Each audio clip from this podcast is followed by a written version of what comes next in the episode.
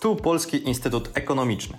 W naszym podcaście komentujemy dane, przewidujemy trendy i rozmawiamy o sprawach istotnych dla gospodarki. A dzisiaj będziemy tutaj dyskutowali z Magdą Maj, kierownikiem zespołu klimatu i energii i Piotrem Arakiem, dyrektorem Polskiego Instytutu Ekonomicznego. Opowiemy o naszych wrażeniach z Davos, o wnioskach z raportu Emitting 7, który prezentowaliśmy w Polish House i jak trwająca już prawie 100 dni wojna wpłynie na wojnę o przyszłość całego świata.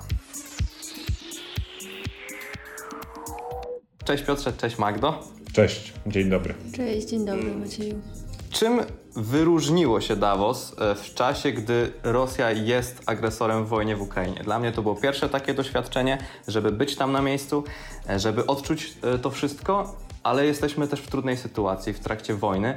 I jak to oblicze Davos się, Piotrze, zmieniło? Bo dla Ciebie to nie było pierwsze takie doświadczenie. Światowe Forum Ekonomiczne ma to do siebie, że zawsze skupia najważniejsze wydarzenia, które miały miejsce albo pod koniec zeszłego roku, albo te, które się rozpoczynają w danym roku.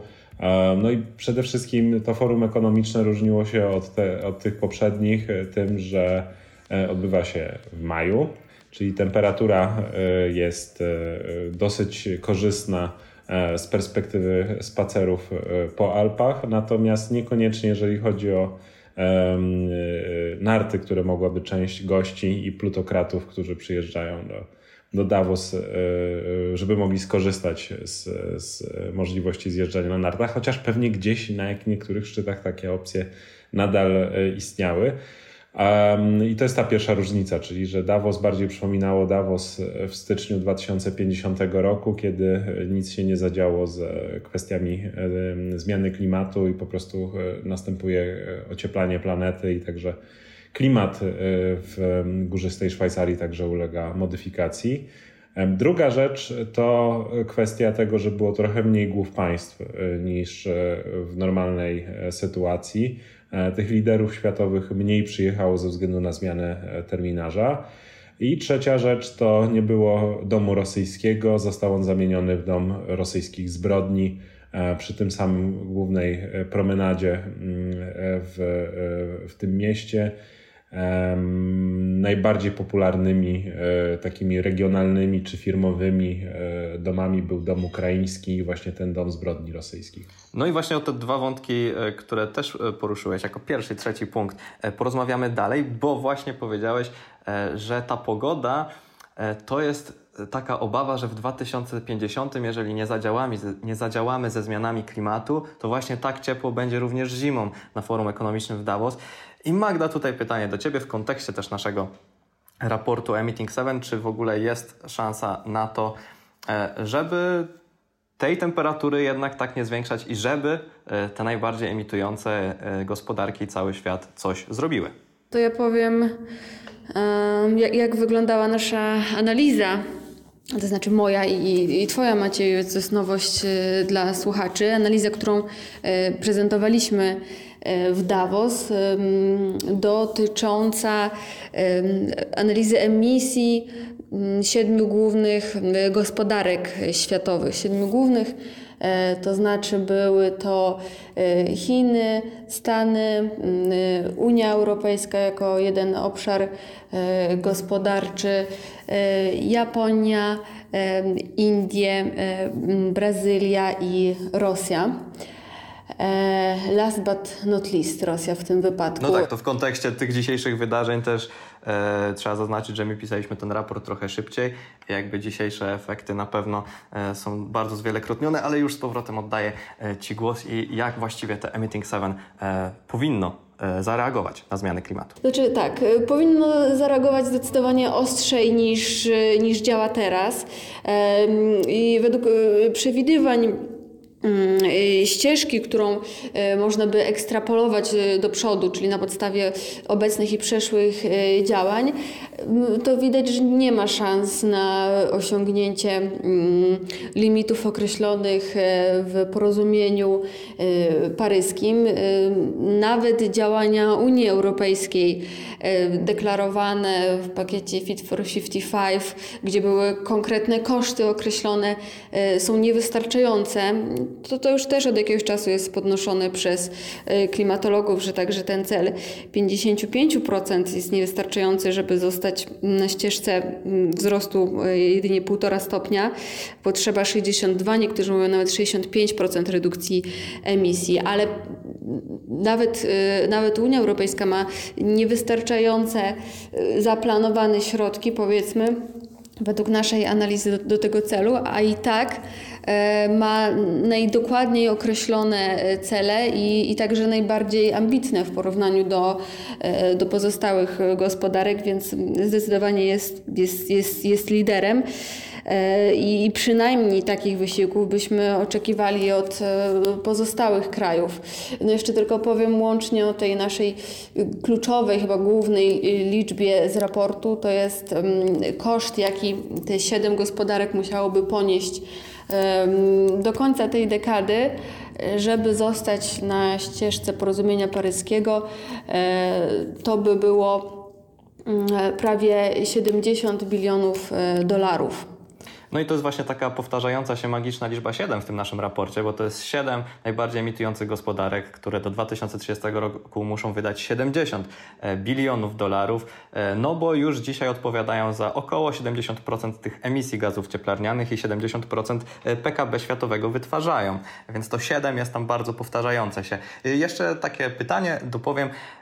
Magda, jak się czułaś prezentując w ogóle raport w Davos? Oczywiście byłam troszeczkę zestresowana, bo dla mnie to był to był pierwszy Davos w życiu i mam nadzieję y, nie ostatni, y, ale także mm, no, duża no, nobilitacja tak naprawdę, że znaleźliśmy się, bo prezentowaliśmy łącznie e, razem, ja, ja, ja, i, ja i Ty Macieju prezentowaliśmy mm, wyniki naszego raportu, więc, więc myślę, że, mm, że naprawdę było to, y, to, to dobra możliwość dla nas do prezentacji naszego raportu, szczególnie szczególnie, że później y, Piotr też miał e, moderację e, z bardzo szacownymi gośćmi, e, którzy także byli zainteresowani naszym raportem. I właśnie w tym wątku chciałem jeszcze dopytać, bo też Piotr wskazywałeś na to, że e, no dla nas spotkanie i jakby siedzenie na widowni było już dużą formą e, takiej radości z takiego możliwości bycia na wydarzeniu. Ty miałeś okazję prowadzić, moderować e, panel z noblistą, profesorem Sztiglicem, z profesorem Tuzem, z profesorem Piątkowskim e, i wspominałeś o tym, że to jest właśnie trochę tak, jakbyś się spotkał z idolem. Ja, jak tłumaczyłem znajomym, rzeczywiście musiałem e, skorzystać z takiej parafrazy, że to jest tak, jakby fan kina spotkałby Leonardo DiCaprio. W związku z czym, jak twoje odczucia w ogóle co do debaty? No, rzeczywiście trochę tak było, bo e, z książek Józefa Stiglica ja się sam uczyłem e, lata temu. E, i to jest tak, że akurat te, te książki czytałem z dużym zainteresowaniem i o ile nie zawsze się zgadzam z publicystyką, już dzisiaj bardzo znanego ekonomisty, który został laureatem Nagrody Nobla w 2001 roku za swoje badania dotyczące asymetrii informacji, to, no to jest e, człowiek jednak zamienia się w kompletnego fanboya i taką osobę, która e, jednak chce w jak największym sposób w tym mm, świetle pobyć chwilę tej osoby, która tak wiele rzeczy fantastycznych napisała. E, natomiast drugą postacią jest Adam Tus e, i e, o tym trzeba pamiętać, że on jest niesamowicie produktywnym publicystą ekonomicznym. Jest historykiem gospodarczym, on zajmuje się między innymi historią Niemiec, bo także z pochodzenia niemieckiego, pisał świetną książkę o historii gospodarczej III Rzeszy, publikuje nie wiem jak wiele, ale naprawdę chyba kilkaset esejów w ciągu roku dotyczących przeróżnych kwestii współczesnej debaty gospodarczej. Niesamowicie wiele rzeczy czyta i, e, i pisze. No i to też jest taka osoba, która w ostatnich latach szczególnie e, dużo miejsca zajmuje w periodykach zajmujących się stosunkami międzynarodowymi i gospodar gospodarką. No i pod tym względem to też jest ciekawe. No i ostatni z tych gości, czyli Marcin Piątkowski, który E, w Polsce jest e, trochę bardziej znany, ale jest ekonomistą pracującym w Waszyngtonie w tym momencie e, dla Banku Światowego, zajmującym się między innymi państwami Azji Południowo-Wschodniej. No ale w Polsce znany z tego, że napisał książkę o, o historii gospodarczej naszego kraju, e, która e, była wydana przez chyba Oxford University Press, kiedy był na, na, na, e, na stypendium w Harvardzie. I, no i też jest to ciekawa publikacja i na pewno ciekawy dyskutant. Nie ukrywam, że jednak bardziej mi na tych dwóch, pomimo że Marcina cenię i lubię, zależało. E, żeby z nimi porozmawiać. No i mam nadzieję, że, że też to nie jest ostatnia szansa, e, żeby z nimi jakiś dialog e, na przynajmniej polskiej ziemi w Szwajcarii prowadzić, albo w polskiej ziemi w Polsce, albo gdzie, gdzieś indziej żeby zorganizować. No właśnie, a w ogóle wspominali w trakcie całego panelu, e, panel też był prowadzony bardzo dynamicznie. E, każdy z panelistów e, jest osobą, tak jak wspominałeś, produktywną, charyzmatyczną, w związku z czym dobrze się ich słuchało i pojawił się wątek, również właśnie globalnego ocieplenia. Profesor Tus, z tego co się nie mylę, kolejną książkę, którą będzie wydawał właśnie o ten wątek też będzie poruszał. Tak czy inaczej, e, między innymi profesor Stiglitz obawiał się mm, takiego braku solidarności w tej walce e, ze zmianami klimatu. I Magdo, właśnie w tym kontekście, mm, czy mm, ta dzisiejsza sytuacja, czy wojna będzie opóźniała e, te działania, które na przykład Unia Europejska już podejmuje? No bo Unia jednak w jakiś sposób działała, tak jak to wskazywałaś we wcześniejszej wypowiedzi. Działania Unii są e, najbardziej precyzyjnie rozpisane w mm, pakiecie Fit for 55, e, który nadal będzie dyskutowany i zobaczymy, jaki będzie jego finalny kształt. To, to najbardziej powie, mm, jak, wojna e, wpłynie na politykę klimatyczną Unii, aczkolwiek w tym momencie z innych komunikatów typu Repower EU jakie zaprezentowała y, komisja, wydaje się, że nie będzie złagodzenia celów klimatycznych i że mm, tak naprawdę działania zmierzające do ochrony klimatu są zbieżne z mm, zapewnieniem bezpieczeństwa dostaw e, paliw i odchodzenia od e, krwawych paliw e, z Rosji. A także mi się wydaje, że tutaj nie będzie, nie będzie zmiany, raczej będzie zaostrzenie. Może będzie, no to zostało zasygnalizowane e, w pakiecie, e, dla zapewnienia bezpieczeństwa e, dostaw energii może być chwilowe wstrzymanie wygaszania produkcji energii ze źródeł paliw kopalnych i energetyki E, jądrowej przy wzmocnieniu e, celów OZE. I często pojawia się teraz właśnie sformułowanie i dyskusja w ogóle o bezpieczeństwie, w tym bezpieczeństwie energetycznym, bo dzisiaj odkrywamy, że jest ono kluczowe z perspektywy interesów e, gospodarek. I jesteśmy właśnie w okresie, chwilę po wprowadzeniu szóstego e, pakietu sankcji. E, więc Magdo, jeszcze krótko, jakbyś mogła skomentować te embarga, jak one się wpisują w ogóle e, w na przykład E, dążenia polityki klimatycznej? Czy w ogóle tam są jakieś zbieżności, czy to jest zupełnie osobny temat? Mhm. to znaczy tak, na, na, pewno y, nie jesteśmy w stanie kompletnie odciąć się od y, y, rosyjskich surowców kopalnych, ani w ogóle od surowców kopalnych, więc póki co będziemy je zastępować też surowcami z innych kierunków. W przypadku gazu to jest w większości skorzystanie z gazu ciekłego.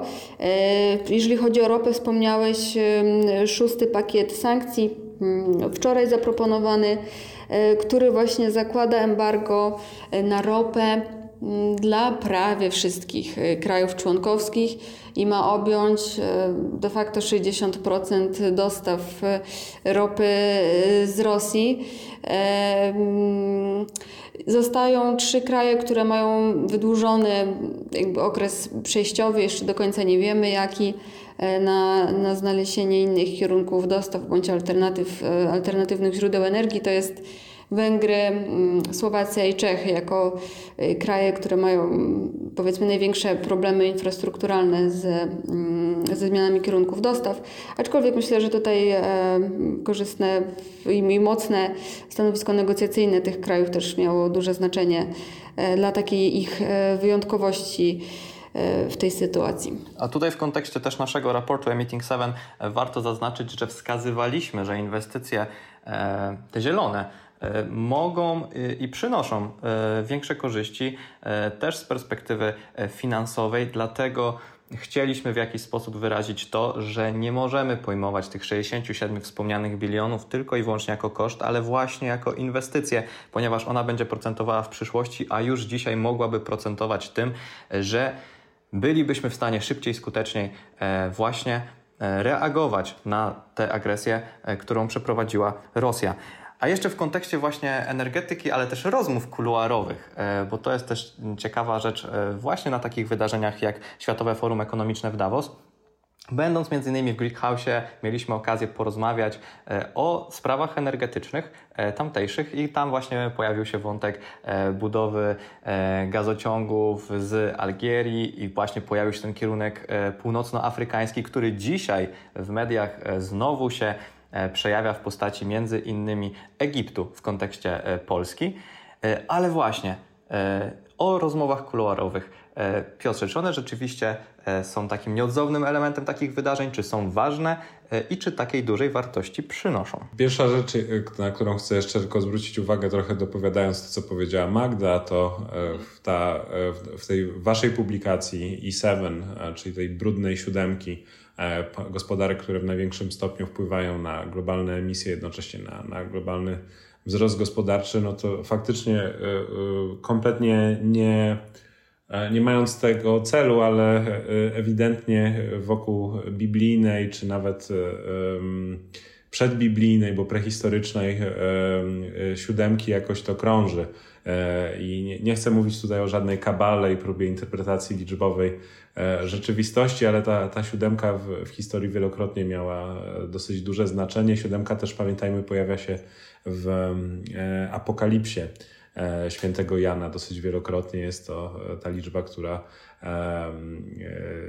no, dosyć często przez, przez świętego Jana jest opisywana. I też w kulturze żydowskiej 7 znaczy po prostu wiele, w związku tak. z czym wiele działań muszą zrobić, wiele bilionów muszą przeznaczyć, e, właściwie zainwestować, e, żeby wiele zmienić. Tak, dokładnie. E, ale przechodząc już do, do rozmów kuluarowych i tego, co jest pewnie najważniejszym elementem wszystkich forów ekonomicznych, zwłaszcza na tak wysokim poziomie, to najistotniejsze jest to, żeby E, tworzyć punkty spotkań i to właśnie temu służą przy promenadzie tworzone e, zarówno miejsca przez biznes, jak i przez fundusze inwestycyjne, e, grupy interesu lobbyingowe, a także państwa narodowe, po to, żeby pod auspicjami czy to Arabii Saudyjskiej, Polski, Indii, Indonezji, czy Ukrainy spotkać się wokół jakichś tematów, no i przede wszystkim też, żeby E, ci, którzy poszukują finansowania albo próbują sprzedawać produkty e, na duże zamówienia, mogli kogoś spotkać, z kim mogliby tego typu przedsięwzięcie zrealizować. A z perspektywy takiego kraju jak Polska, no to zachęcić inwestorów zagranicznych do inwestowania kapitału, no ale także opowiedzenia jakichś tematów, które są istotne z perspektywy danego kraju. No i y, y, z naszej perspektywy, czyli Instytutu, istotne jest, żeby pokazywać jakieś badania, które e, w skali globalnej mogą e, większą większą polską e, obecność jakoś zasygnalizować, także świadomość pewnych wyzwań, którymi muszą sobie radzić państwa, nie tylko Unii Europejskiej. No i to jest, to jest coś takiego, co dla nas jest wartościowe, na pewno też spotkanie tej innej e, części świata, bardziej biznesowego, który może być zainteresowany lokacją e, inwestycji i tym, co e, coraz częściej przejawia się też w debatach, czyli friendshoringiem, inwestowaniem w krajach, które są zbliżone co do wartości i są w ramach jednego bloku państw bardziej zachodnich niż wschodnich. I to może być coś takiego, co w tym kolejnym forum ekonomicznym, które potencjalnie może się już odbyć za pół roku, e, pewnie by było jeszcze mocniej e, zasygnalizowane. Tak, no właśnie rozmowy i możliwość spotkań na promenadzie też jest bardzo otwierająca i rzuca światło na różnego rodzaju elementy, które też będziemy e, prawdopodobnie w analizach, między innymi w Tygodniku Gospodarczym, porównywali, ponieważ tych rozmów energetycznych było sporo. Jeszcze krótko wracając do raportu, no bo tak jak wspominałeś Piotrze, my przedstawiliśmy tam pewną agendę po to, żeby zwrócić uwagę na problem, który jest wszechobecny w debacie, e, bo wszyscy jesteśmy świadomi e, tego, że globalne ocieplenie, przynajmniej e, wszyscy, większość jest świadoma, że globalne ocieplenie jest znacznym problemem.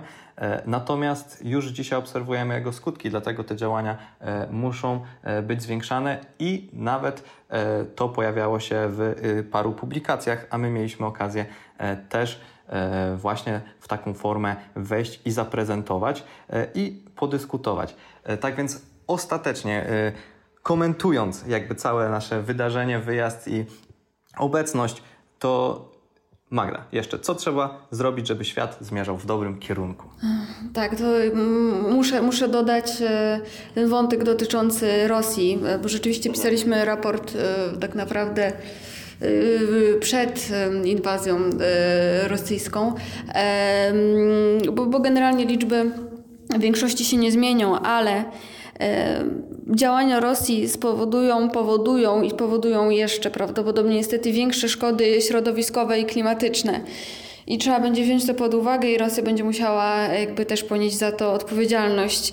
E, I właśnie kolega z naszego zespołu, Kamil Lipiński, e, przygotował taką analizę w tygodni, dla, tyg e, dla naszego tygodnika PIE, która będzie opublikowana już jutro, więc ja zachęcam też do jej przeczytania. Jutro, czyli 2 czerwca. Gdzie właśnie będzie szacował o ile zwiększą się emisje CO2 i ekwiwalentu CO2 w związku z działaniami E, Rosji e, i, i jakie będą tego koszty. Więc mi się wydaje, że to jest wątek, e, którym także powinniśmy się zająć. Też jakby kwestia pojawiającego się embarga i tym, co Rosja zrobi z ropą i obawy, że lepiej będzie wylewać nawet ropę niż wstrzymywać wydobycie, wiążą się z dużymi obawami o środowisko. Dlatego tym bardziej jest to sprawa nagląca i ten wpływ Rosji negatywny właśnie na nie tylko sąsiednie kraje, ale również na cały świat e, właśnie poprzez e, zmiany środowiskowe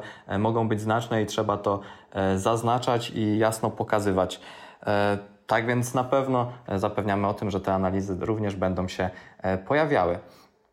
Piotrze, jeszcze gwoli podsumowania tegorocznego Davos i właśnie już może zbliżających się pomysłów na kolejne? Forum ekonomiczne, e, które będzie organizowane w 2023 roku, e, pewnie będzie e, kolejnym istotnym punktem możliwości spotkania się, ale pewnie także z Chińczykami. To jest moim zdaniem coś, czego też, też zabrakło, czego ja nie powiedziałem, bo delegacji chińskich praktycznie nie było ze względu na politykę zero COVID. Natomiast y, na pewno y, dyskusje y, wokół porządku międzynarodowego będą dalej się toczyły, ponieważ jako świat zachodu i także wschodu utraciliśmy fora debaty i dyskusji. G20 nie będzie się w tym roku spotykało. Będą tylko szczyty G7, które są bez udziału Rosji od 2014 roku. E, będą oczywiście szczyty mm, e, OBWE, e, które jest ciałem, które bardziej zajmuje się kwestiami związanymi z bezpieczeństwem, czy też, czy też ONZ-u, który też zajmuje się tak wieloma kwestiami i bardzo rzadko na, na bardzo wysokim szczeblu te, te spotkania się odbywają i tych dyskusji jest więcej. W związku z tym trochę trudno będzie wyobrazić sobie na, jakąś, e, na jakiś większy dialog e, między innymi ze stroną chińską. I wydaje mi się, że ten e, po zaprzysiężeniu Xi Jinpinga jesienią tego roku na kolejny na kolejne kadencje. To forum ekonomiczne zorganizowane w 2023 roku będzie dosyć istotnym punktem w dialogu pomiędzy światem zachodu a Chinami. I to był też ciekawy wątek, który pojawił się e, po części w Twoim panelu, który moderowałeś, do którego też e, odsłuchania zachęcamy e, w mediach społecznościowych. I właśnie to będzie takim idealnym podsumowaniem, czyli zachęcamy zarówno e, do przeczytania naszego raportu, który prezentowaliśmy i o tym dzisiaj w naszej dyskusji wspominaliśmy, czyli e, ta magiczna siódemka, siedem najbardziej emitujących krajów, które powinny zainwestować 70 bilionów dolarów do 2030 roku, e, bo dzisiaj te kraje odpowiadają za 70% PKB i 70% globalnych emisji. Rozmawialiśmy o tym, e, jak dzisiejsza sytuacja, jak e, agresja Rosji na Ukrainę e, może wpłynąć na zmianę tych polityk, jak to wszystko e, e, omówiliśmy i zaprezentowaliśmy podczas Światowego Forum Ekonomicznego w Davos i jakie są nasze wrażenia. A ja Wam bardzo dziękuję za tę rozmowę i wspólnie spędzony czas. Było to wiele wątków. Zachęcamy do śledzenia naszej działalności. Dzięki Magdo, dzięki Piotrze. Dzięki bardzo. Dziękuję również. Do usłyszenia.